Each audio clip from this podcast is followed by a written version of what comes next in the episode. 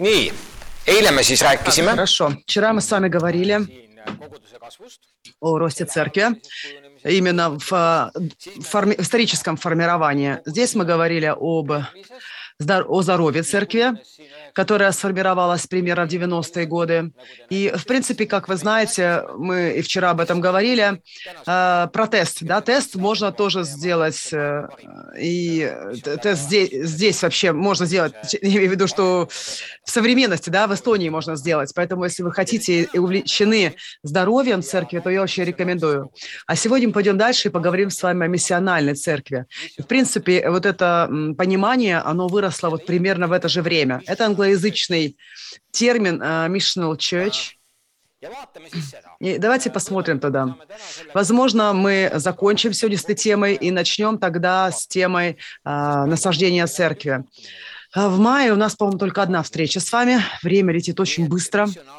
Поэтому миссиональная церковь. Миссиональная церковь, она выросла э, на, из концепции роста церкви, из концепции здоровья церкви. Но давайте посмотрим, что характеризует миссиональную церковь. И а, возникло это понимание а именно из, кри- из критики относительно движения по росту церкви. То есть были некоторые вещи, э, которые высказали как претензию в качестве претензии против э, роста церкви, против здоровья церкви. По своей сути, все эти концепции на самом деле, они стремятся к росту церкви. Это очень важное понимание. Движение по росту церкви, оно, а, оно стремится к цели для роста. Оно исследует как бы цель для роста. Здоровье церкви, оно стремится к результатам. а, последствиям. Что касается миссиональной церкви, точно так же последствия интересуют, и, и то есть точно так же интересуют последствия или результаты. Но по своей сути а, все они стремятся к росту.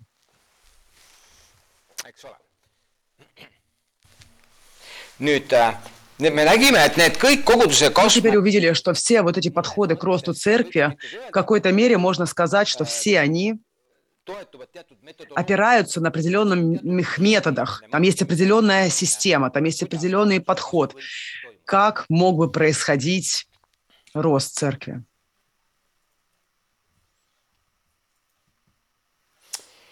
Ja nüüd see põhiline kriitika, mida И see, главная критика,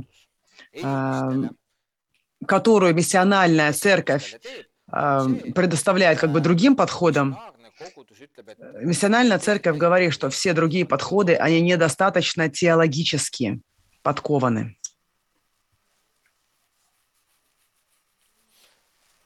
Ja teoloogia all peetakse И silmas под теологией подразумевается здесь именно такие базовые догматические, э, базовые догмы.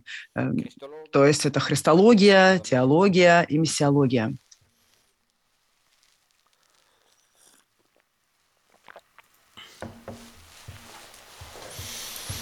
ja niimoodi, kui te juba если вы смотрите, слушаете, рассматриваете все это, э, то вы, скорее всего, догадаетесь, что миссиональная церковь, она, в общем-то, сосредотачивается на этом, потому что она критикует, критикует другие, соответственно, вот эта критика, она становится центральной, э, центральным основанием для миссиональной церкви.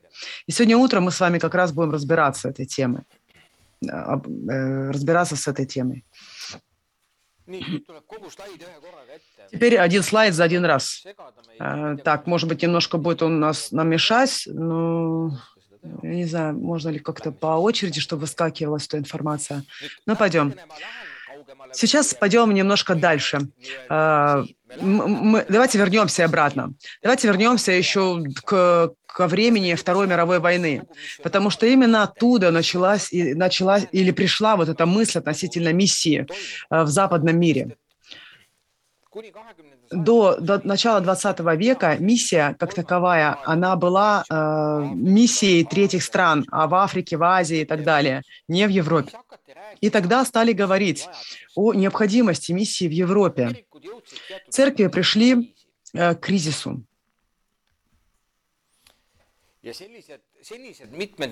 И э, миссионерские подходы уже не работали, те, которые были, да, и нужно было найти какой-то новый подход, новые подходы.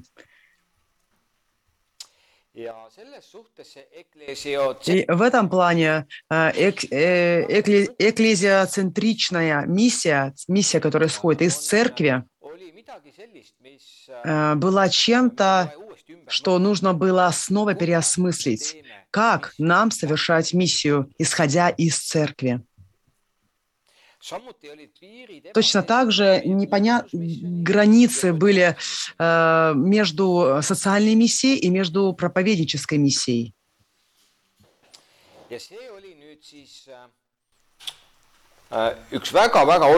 И это был очень такой важный момент в когда в 1952 году произошла International Missionary Council, то есть такой собор, council, собор э, интернациональной миссии, и они как раз пришли с идеей, с принципом Missio Dei. Мы даже понимаем, что вся вот эта миссионерская э, концепция, она основывается на концепции и на принципе Missio Dei. И то, что сюда я написал, так как у нас есть здесь с переводом люди, которые нуждаются в переводе, я прочитаю, для того, чтобы каждый человек понял, что здесь написано. И э, на этом собрании дали определение, что такое миссия Дэй. Миссия – это не э, просто обращение одного человека. Давайте вспомним, что реформация в XVI веке, она делала ударение как раз на образование, ой, а, а, обращении каждого человека, единичного человека, да, на вере каждого человека. И здесь как раз а, стали обращать внимание на вот этом совете о том, что важна вера а, не только одного человека. Миссия – это не только обращение одного человека. И не только послушание Божьему Слову. То есть это как будто бы только мы делаем, да, со своей стороны. А миссия является участие в послании сына. Может быть, сложное понимание, но таким теологическим все становится, да, закручивается, мы видим. Миссию, в миссию Дей проявляется Божья цель э, для установления правления Иисуса Христа. Очень важный момент. Миссия не и это э, не основывается больше только на человеческой активности или же не является более э, делом организации какой-то, а источником всей миссии является триединый Бог сам. Очень часто к, евангелизации мы относимся таким образом. Мы сейчас пойдем, пойдем на улицы, дадим флайер, расскажем, мы пойдем, мы организуем какое-то какое мероприятие, люди придут, мы будем, мы будем делать. А здесь в концепции Миссио Дэй как раз начинают говорить о миссии миссии, не исходя из человека как такового, что человек делает, а что Бог делает, к чему Бог призывает нас, а, как мы можем с Богом вместе что-то делать. Миссия Д – это Божья миссия. Миссия – это задание, да, задача. Д – это Бог. Бог, Он сам возлюбил этот мир. И и вот в этой миссии Божией Он вовлекает нас с собой. Мы становимся частью Его миссии, а не какие-то свои вещи делаем, что-то свое предпринимаем. Теперь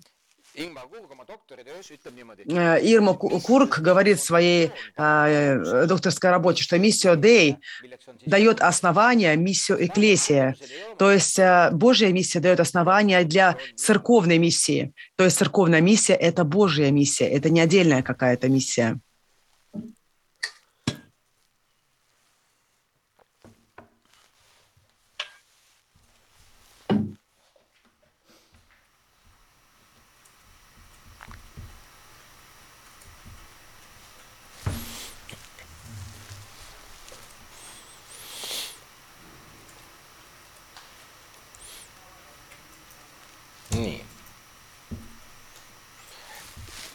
See on üks ülioluline lause, mida это очень важная, это очень важная фраза, которую говорил Дон, э, Даглас э, Уильям. И многие говорили об этом, но в принципе вот эта фраза, она понимает, она помогает нам понять эту концепцию. Здесь говорится, что у Божьей церкви нет миссии в этом мире. А у Бога с миссией есть в этом мире церковь.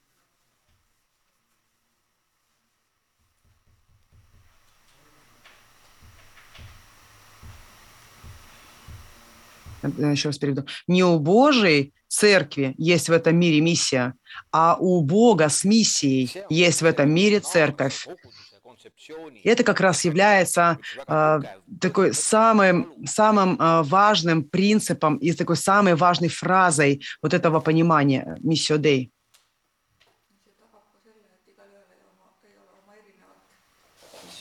Это значит, что у каждого из нас нет отдельной какой-то миссии что каждый там выдумывает что-то. Если вы помните вчерашнюю лекцию, то там был контекст важен, да, что мы, мы, должны, мы, мы являемся лицом нашего общества. Но в этом плане э, здесь смысл в том, что не мы делаем свое какое-то дело, мы не должны открывать свою миссию, а мы должны открыть Божью миссию, которая есть у Него для этого места. То есть не мы являемся э, э, заказчиками проекта и руководителями проекта. Да, я хотел это услышать. Если это, если это кто-то скажет, подумала, то значит все, кто, все доходят до людей, да? Да, так оно и есть. И это освобождающее, потому что миссия для церкви сегодня – это напряжение, если так взять. Если мы посмотрим ежедневную жизнь церкви, то миссия – это как будто, знаете, бремя такое. Мы не знаем, что делать, мы не знаем, что происходит, как это делать. И это как будто напряжение, мы должны что-то делать, стараться. А на самом же деле у Бога есть миссия, и Бог вовлекает нас в эту миссию. Это, и это должно нас освобождать в хорошем понимании.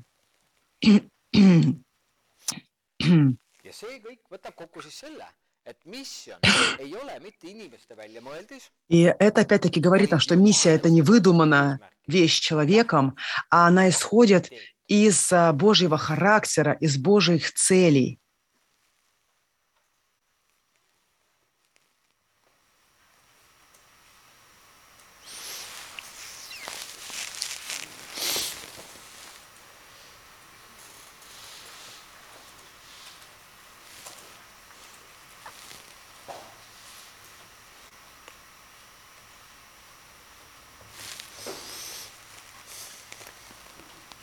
Nii. nii et nüüd te näete, kuidas see kogu koguduse Теперь вы видите, что движение по росту церкви, которое взяло начало именно вот во всем этом, э, э, взяло начало э, с того, что мы, что мы, э, что мы делаем системы, там пытаемся как бы да э, стать эффективными для того, чтобы совершать миссию. Тут мы возвращаемся обратно в развитие, и мы обратно возвращаемся к Богу, потому что все же ведь исходит из Бога. Бог является источником всего, поэтому без этого никуда. То есть, другими словами, как бы мы не напрягались, да, что-то делать, все равно возвращаемся к Богу. Итак, миссия не является программой церкви, а миссия а, это, это а, миссия исходит от Бога, от Бога. И об этом мы поговорим еще через какое-то время, чуть поподробнее. Но здесь э, ударение делается не на том, что мы делаем, а на том, кто мы.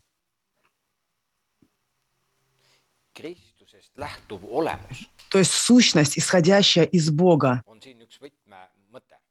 То есть э, су сущность, э, э, как бы суть, находящаяся в Боге, вот это определяющее. Если мы не будем видеть себя как посланными Христом, если мы не будем видеть себя посланниками, то мы все равно будем, мы будем опираться на э, действия, которые мы делаем. Сколько там человек обратилось, сколько э, событий мы сделали миссионерских, сколько чего произошло.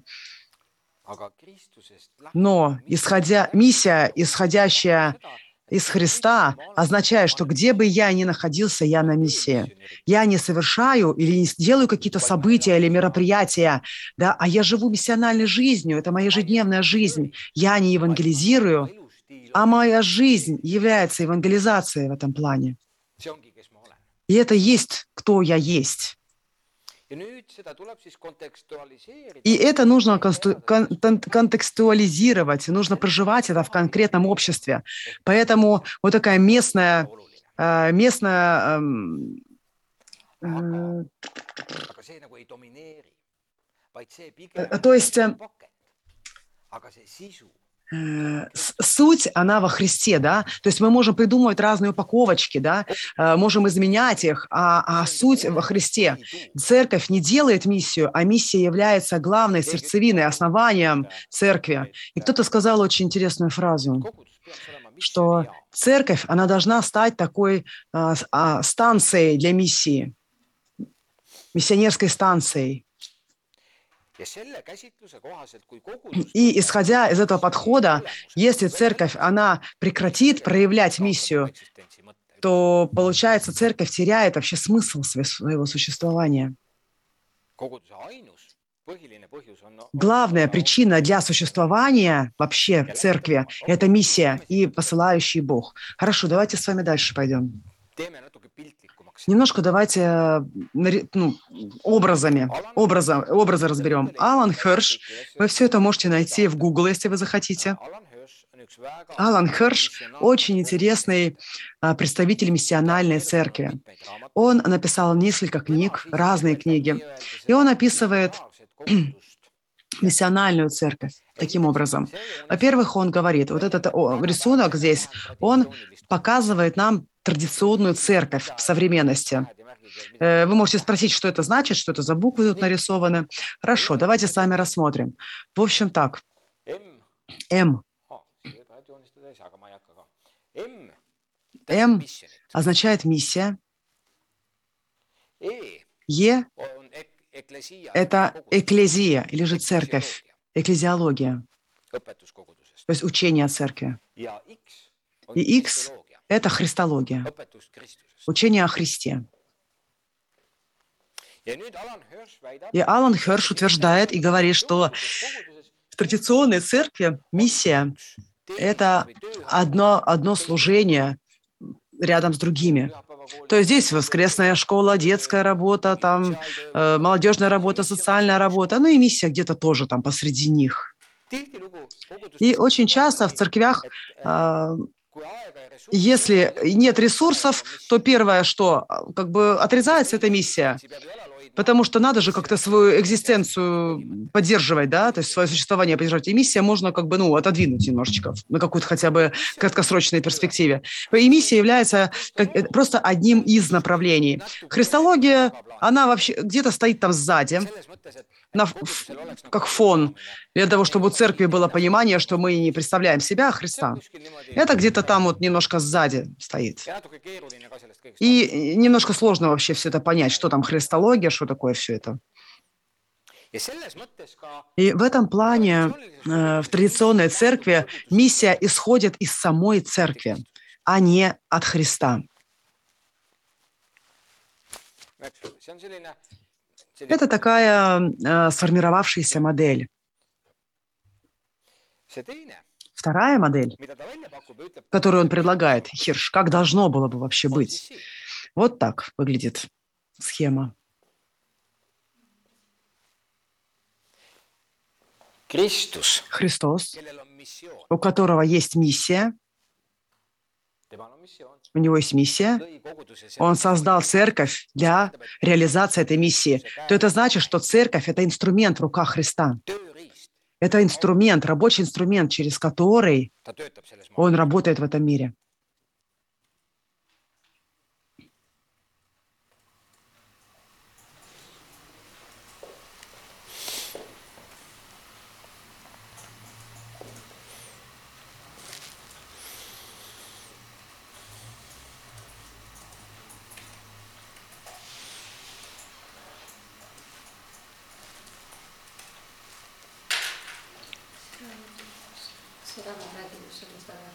Jah, no nii, no nii, vot, nii et selles mõttes äh, mm, miks see niimoodi on läinud nagu Почему это вот, почему именно вот так было? Как мы видели, у этого есть свои причины. Сегодня мы не будем э, разбираться с этими причинами, но но так оно есть. И теперь Алан Херш, он э, бросает вызов И он говорит, что церковь не может сама себе дать определение. Один раз ко мне пришел пастор какое-то время назад и сказал, слушай, э, я могу попросить э, коучинг, прокоучить меня? Я говорю, какой ты коучинг хочешь? Он говорит, я хочу э, видение разработать для церкви. Я говорю, ну давай, хорошо, начнем. И у нас было три встречи примерно. Хорошие встречи, очень такие, такой, такой мудрый пастор, умный пастор, хотел разобраться, хотел как-то все двигать. И мы начали работать с ним. И в какой-то момент, в этом, когда мы были находились в этом процессе, он немножко там тяжело ему было. И я, между прочим, я даже не, не думала, сказала ему, говорю, слушай, видение нельзя создать. Ты не можешь создать видение. Вот я создам себе видение или церкви видение. Ты можешь только открыть для себя видение. Очень часто в церквях точно так же мы пытаемся создать что-то. Мы пытаемся что-то достичь. Но на самом же деле мы можем открыть только то, что Бог дал нам уже, то, что, он, а, то, что у нас есть, наше призвание, тот путь, который мы должны пройти, и идти по этому пути. И для него это было так, вау, я никогда не, подум, не думал об этом в таком разрезе. И я думаю, что во всем этом, во всем этом коучинге, это, наверное, главное, самое, что он унес. Мы, как церковь, не можем дать себе определение. Если мы посмотрим вот это, да, что у, Христи, у, Христи, у Христа есть миссия, и Он создал церковь, это означает, что нам, нужен, нам нужно понять вот это все. Нам нужно понять, что Он, что Он хочет сделать в этом мире. В общем, что Он хочет делать в месте, в котором мы живем сегодня. И как человек не может сам дать себе определение, э, его может, а, ему, ему может дать определение его Творец. Мы можем, конечно, давать себе определение, но это все будет половинчато. Мы можем а, давать определение вещам, которые мы создаем. Мы, допустим, можем дать определение вот этим очках, потому что мы их создали. Мы можем дать определение радиаторы на стене, что это такое, для чего они. Но сами по себе мы не можем дать себе цель. Цель может нам дать только наш Творец. Христос является главой церкви. Он дает определение зада или дает задачу церкви.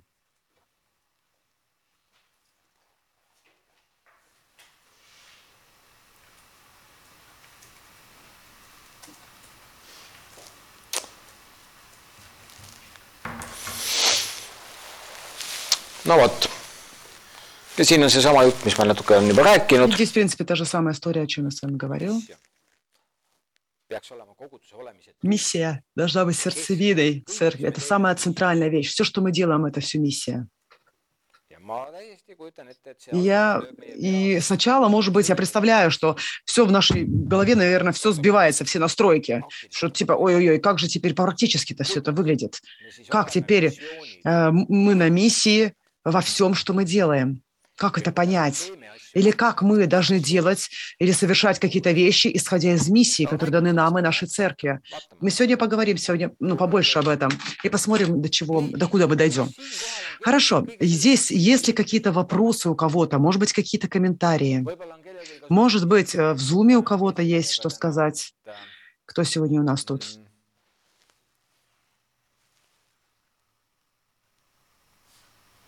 Hetkel on vaikus. Тишина, я смотрю. selline lähenemine ja käsitlus. У изначально ранней церкви такой подход был, да, скорее всего. Было такое? Да. Если мы смотрим, допустим, «Деяния апостолов» книгу,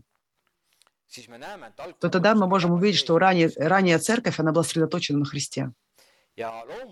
И, конечно же, э, именно э, на, э, сосредоточено было на воскресении. Они свидетельствовали все время о воскресении Христа. И так как они настолько близки были к Иисусу еще по, вре- по времени, да, то есть в какой-то мере им было проще. У нас же вот этот разрыв такой большой стал, и мы немножко потеряли вот эту перспективу. И теперь так много произошло за это время. Поэтому в этом плане я не могу хотя сказать, что это плохо, но это естественный процесс, что мы теряем перспективу за счет времени вот этого разрыва. И это происходит, я думаю, с каждым человеком на протяжении жизни. И поэтому я думаю, что христианин в какой-то момент своей жизни, если он десятилетия христианин уже, в моей жизни, в крайнем случае, так было, я знаю моменты, когда я снова обращался как будто к Богу, да, я не возрождался снова, да, а я как будто снова приходил к Иисусу каким-то новым посвящением, с новой любовью обращался, какой-то вот внутренний, какие-то с новыми внутренними чувствами. И мне было это необходимо. В какой-то момент иногда бывает, знаете, э, может быть, там, знаете, любовь ослабела, немножко устала, там еще что-то, и потом ты вновь как будто, да, обращаешься с новой силой к Богу, совершенно по-другому как-то. Я думаю, в церкви то же самая история. Мы необходим, нам необходимо периодически возвращаться к Богу обратно и смотреть, рассматривать, правильно ли мы идем, по правильному ли пути, по в правильном ли направлении мы двигаемся.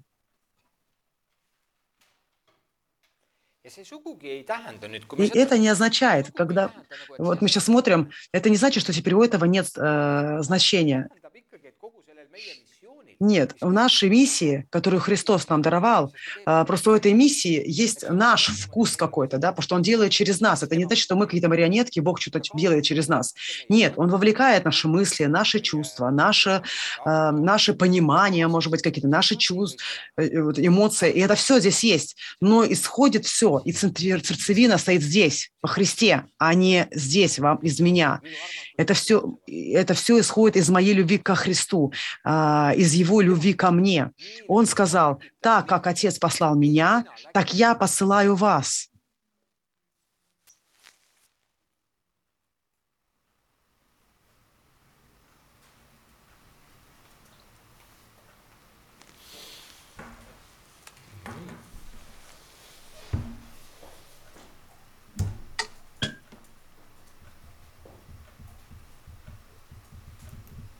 Nii, ja nüüd selles missionaarses koguduse käsitluses. В этом подходе миссиональном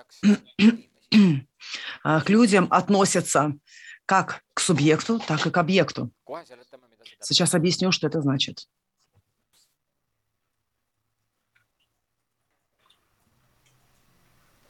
Субъект. Субъект.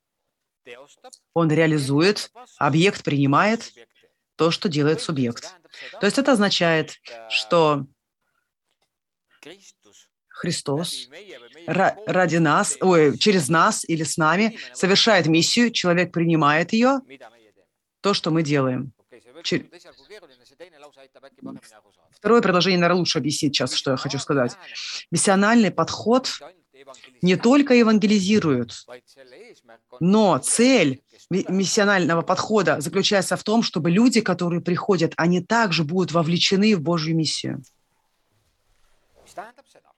Это означает, это означает, что вот, вот здесь вот в подходе а, отлич, есть отличие.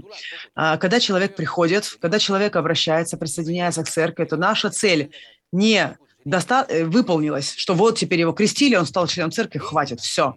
Цель совершенно другая вот в этом подходе.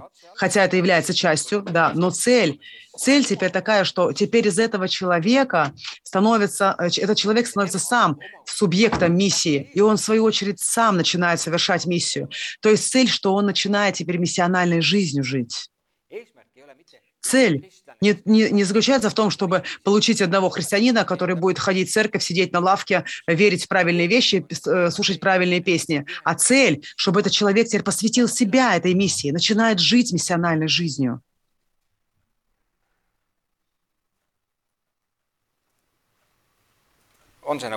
Понятно, что хочу сказать? Потому что очень часто в традиционных церквях мы удовлетворяемся тем, что человек обратился, его крестили, присоединился к церкви, вот теперь готово, все. Вот теперь пойдем следующих людей завоевывать. Найдем следующих, которые опять присоединятся к церкви. Тогда э, миссиональные же церкви, миссиональная церковь очень важный момент. Миссиональные церкви не измеряется э, рост церкви через э, столько, через людей, которые присоединились, а через людей, которые были посланы. То есть измеряется количество людей э, людьми, которые были посланы, а не людьми, которые пришли.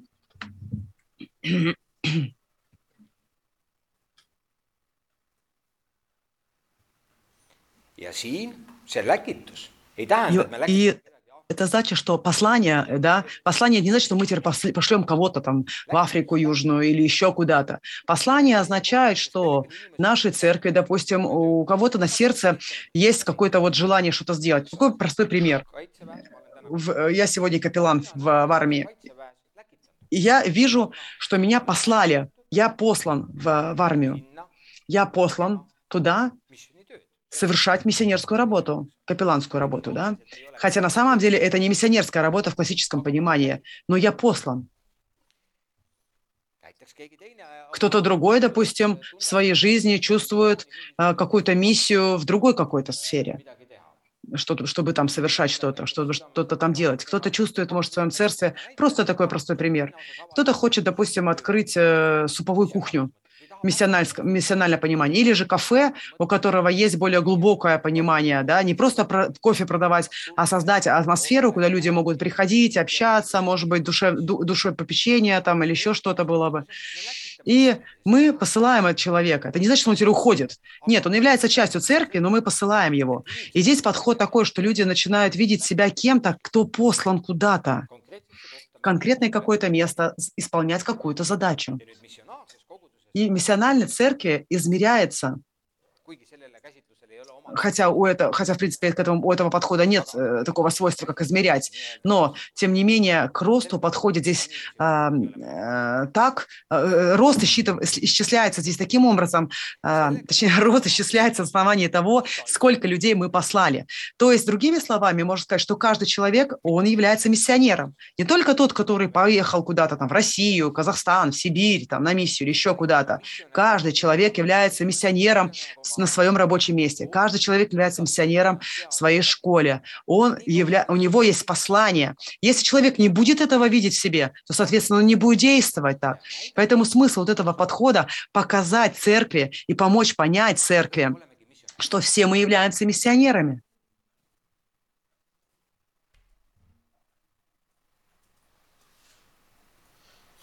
ja siin eh, käsitluses ei rahulduta üldse Здесь, в этом, под- э, вот в этом подходе не ограничивается э, только тем, что ты раздал какую, какую-то флаер, и кто-то с тобой помолился о молитве грешников. Это не является целью, это является частью, может быть, первым шагом только.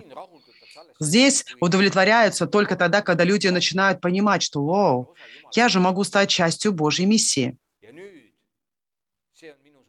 И это мое направление теперь, то, куда я буду идти, то, куда я буду двигаться.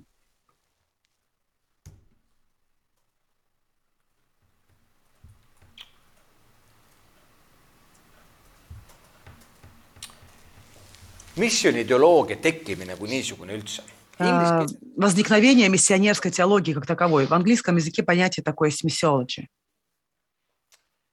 ma teen natukene siin äh, veel natuke näitan teile Немножко здесь покажу вам.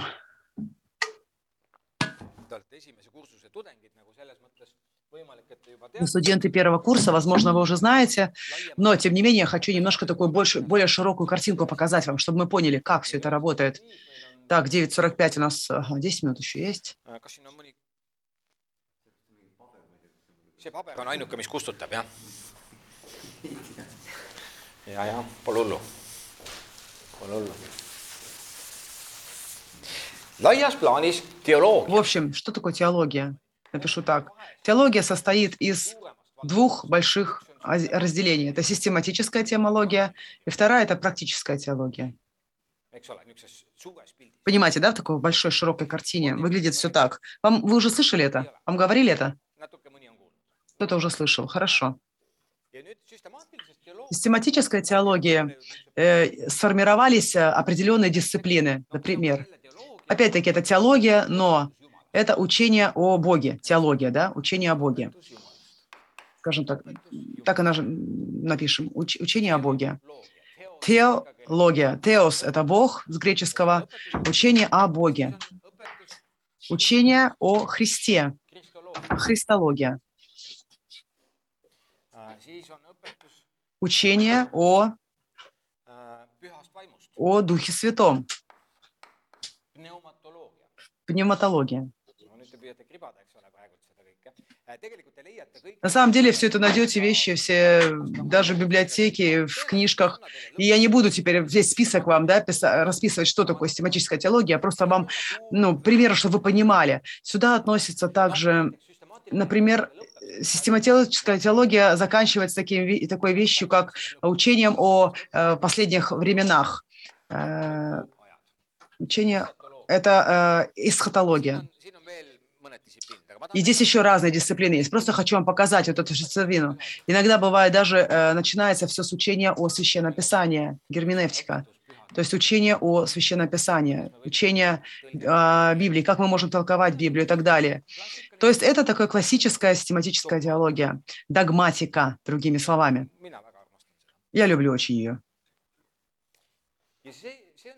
И это является причиной, вот это здесь является причиной, почему в церквях очень большой скептиз, скептицизм по отношению к теологии. Считается, что теология портит нашу веру, портит наши церкви. Вообще теология – это плохая вещь.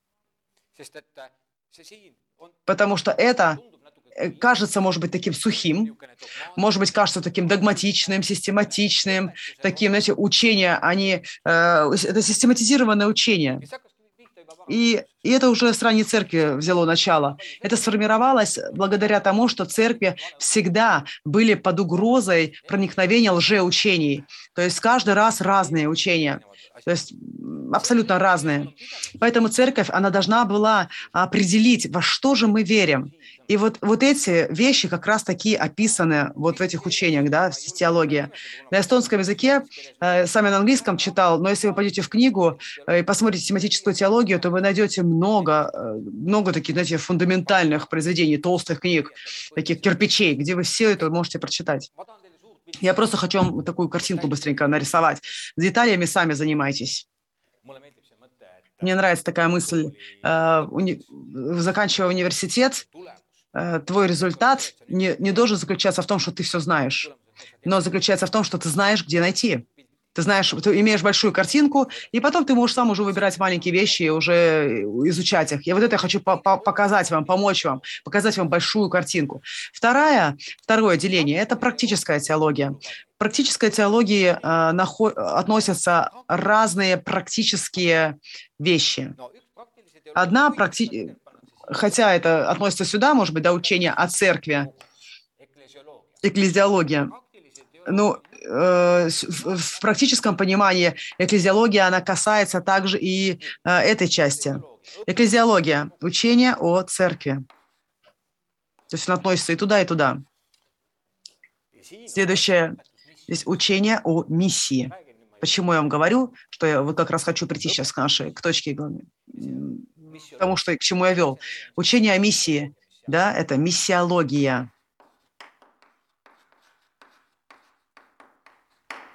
Миссиология. Миссиология. И здесь под, э, вот здесь вот под этим многие вопросы, многие вопросы относительно миссии решаются. И здесь объединяется практическая теология, объединяется теоретическая и практическая часть. Практическая теология не означает, что, ты, что, что мы теперь занимаемся только практикой или какими-то действиями. Нет. Там объединяется как систематическая э, часть и практическая часть. Я сейчас изучаю в Торском университете э, рост э, церкви, и это является дисциплиной практической теологии. То есть можно сказать, что миссиология является э, поддисциплиной практической теологии. И в каком-то подходе вы можете найти миссиологию э, именно систематической, под систематической теологией. Это не проблема. Но что касается практической теологии, э, тут еще есть разные поддисциплины. Обычно они под экклезиологией, но тем не менее учение о душепопечении. Душепопечение. В Эстонии это такой растет, растущий тренд, потребность есть в этом, и учение также есть, э, и даже есть магистрская в каком-то нашем институте, да, теологическом, э, э, отдельно изучается душепопечение. То есть э, некоторые, некоторые дисциплины, они интердисциплинарные. Допустим, учение о, о росте церкви. Опять-таки, это тоже является поддисциплиной практической теологии. Конечно же, она не сравнивается, не стоит на одной ступеньке с миссиологией, но тем не менее она здесь есть. И когда э, в один момент вам придется выбирать дипломную работу, тему дипломной работы, то тогда, насколько я понял, не, не знаю точно, но почему-то мне подозрение есть, что большинство э, дипломных работ совершается вот в этой сфере, в практической теологии. И очень мало касается систематической теологии, хотя не очень большая потребность систематической теологии. Здесь очень нужны люди, которые теологически будут сильны, которые могут и здесь, в этой сфере, эм, ориентироваться, аргументировать, говорить, эм, дискутировать. Это очень важно. Я хочу сказать, что если считается, что теология – это плохо, то, то мое личное убеждение, что теология – это неплохо. Это неплохая вещь. Мое убеждение, мы, мы иногда мы эм, сражаемся с тем, чтобы как теологию преподавать в церкви так, чтобы она была жил, живой. Теология должна давать жизнь, потому что теология – это учение о Боге.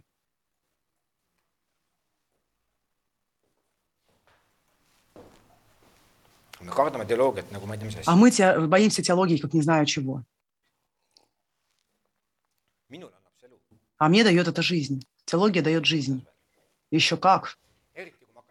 Особенно, когда начинаю понимать лучше Бога, когда это откровение начинает о, о нем расти. Это же так здорово. Я не знаю, э, где, как это вот надо, как эти чувства, где спрятать. Мы не должны бояться теологию. Но почему мы должны бояться? Мы должны бояться э, учения о Боге без познания Бога, без практической жизни веры. Да, вот этого мы должны бояться. Видите, как много мы сегодня поговорили?